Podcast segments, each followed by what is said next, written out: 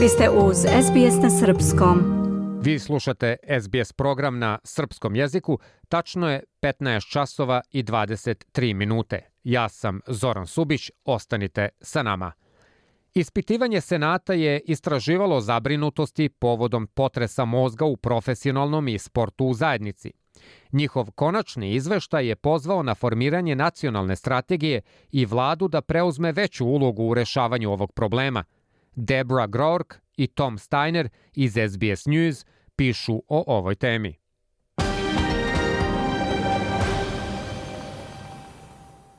Bivša zvezda australijskog futbala koji je nastupao za Melbourne, Sean Smith, je doživeo sudare iz prve ruke u australijskom sportu.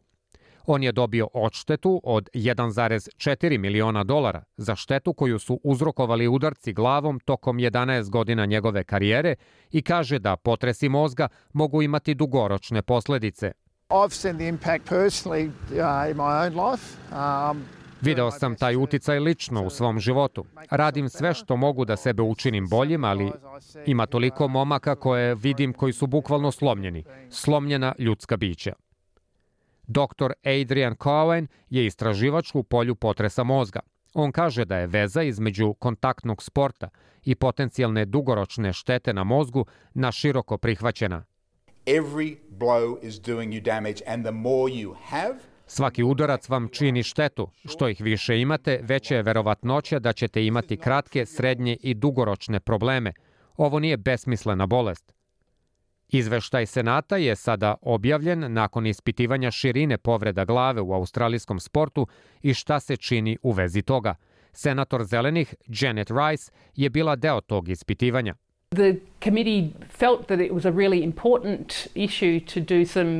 Odbor je mislio da je ovo veoma važno pitanje koje treba da se istraži i mislim da smo proizveli veoma važan izveštaj koji pokazuje da zajednica kao celina, ali naročito vlade i sportske organizacije stvarno moraju da se izdignu i počnu da rade mnogo više kako bi se nosili sa potresima mozgova u Australiji.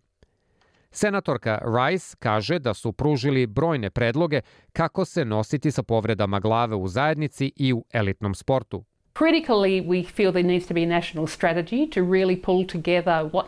Kritično mislimo da treba da postoji nacionalna strategija koja će skupiti šta stvarno treba da se uradi da bi se sprečio potres mozga i da bi se nosili sa tim uticajima i da imamo neke nacionalne protokole u vezi povratka u sport za ljude koji su bili pogođeni potresom mozga, a onda kako da vodimo brigu o ljudima koji pate od potresa mozga kao uzroka njihovih sportskih povreda.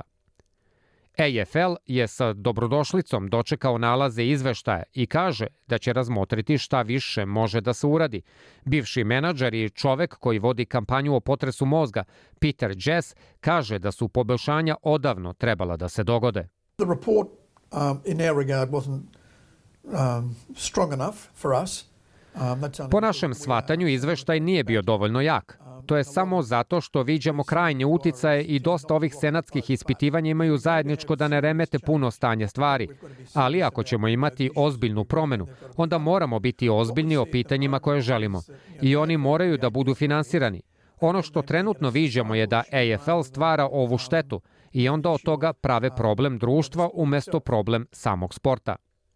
Dr. Cohen kaže da umeđu vremenu svi mi moramo da razmislimo o našem pristupu prema povredama glave u sportu.